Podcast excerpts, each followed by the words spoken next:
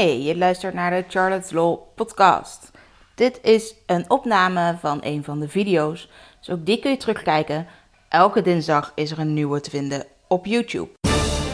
Charlotte, de social media jurist van Nederland. Laten we het eens even hebben over handelsnamen en bedrijfsnamen. Misschien ga je wel een nieuw bedrijf beginnen of ga je een bedrijf overnemen uh, of wil je gewoon je onderneming een nieuwe naam geven. Dat klinkt misschien allemaal veel makkelijker dan het is. Nou, wat is nou eigenlijk een handelsnaam? Dat is je bedrijfsnaam die jou de naam van jouw bedrijf beschermt. Het beschermt dus alleen maar dat wat jij doet als ondernemer of als onderneming. Het beschermt dus niet namen voor je producten of diensten. Verder beschermt het alleen maar binnen het geografisch gebied waarin je werkzaam bent. Daar heb ik al eens eerder een video over opgenomen hoe het exact jouw naam beschermt. Daar zal ik nog wel naar linken in deze video. Maar goed, waar moet je nou aan denken als je een nieuwe bedrijfsnaam of een nieuwe handelsnaam wil verzinnen?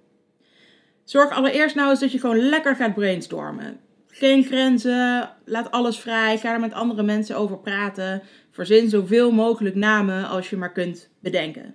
Limiteren kan later altijd nog en ja, soms loop je nou eenmaal tegen grenzen aan. Uit die brainstorm haal je een top 3. Dan ga je eerst eens kijken of die naam überhaupt nog wel vrij is. En natuurlijk ga je een rondje googlen.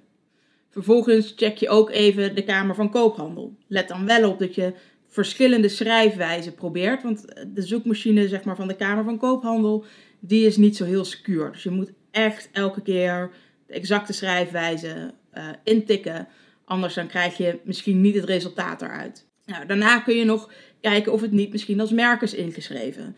Dan kun je controleren bijvoorbeeld bij het BBIE, het Benelux Bureau voor de Intellectuele Eigendom. Daarnaast, daarna zou je moeten kijken, hè, als je het idee hebt dat de naam nog vrij is, of ook de social media kanalen nog vrij zijn. Want die wil je natuurlijk ook kunnen claimen en daar wil je later geen gedoe mee krijgen. Dus die ook vrij zijn, dan kun je nog de domeinnamen gaan checken. En als dat dan ook vrij is, leg ze dan maar meteen vast voordat iemand anders doorheeft dat je dit bent gaan checken en de domeinnamen zomaar wegkaapt. Alleen maar op basis van een handelsnaam kun je namelijk niet altijd zomaar een domeinnaam opeisen. Nou, wat levert zo'n handelsnaam of zo'n bedrijfsnaam je nou eigenlijk op? Moet je die echt registreren bij de Kamer van Koophandel? Nou, het is dus wel handig om hem te registreren, omdat ook andere mensen natuurlijk bij de Kamer van Koophandel in het handelsregister zullen gaan zoeken of er al bedrijven zijn met dezelfde naam of met een naam die erop lijkt. Maar verplicht is het niet. De bescherming voor je handelsnaam krijg je door de handelsnaam te gebruiken. Bijvoorbeeld door het op je website te gebruiken, in je logo, op je visitekaartje, eh, op je offertes en facturen, brochures, flyers, nou, noem het maar op. Het gaat dus om het actieve gebruik van die naam. Dat zorgt voor de bescherming. Niet de registratie daarvan bij de Kamer van Koophandel. Alhoewel dat natuurlijk wel heel erg handig is. Dus wat moet je nou doen als je een nieuwe bedrijfsnaam wil verzinnen voor een nieuw bedrijf of gewoon omdat je het roer om gaat gooien met je huidige bedrijf?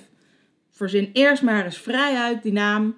Ga daarna kijken of die nog vrij is en of er dan ook niet iets is wat er te veel op lijkt. En zodra je weet dat die vrij is, meteen registreren en hem vooral zo snel mogelijk gaan gebruiken.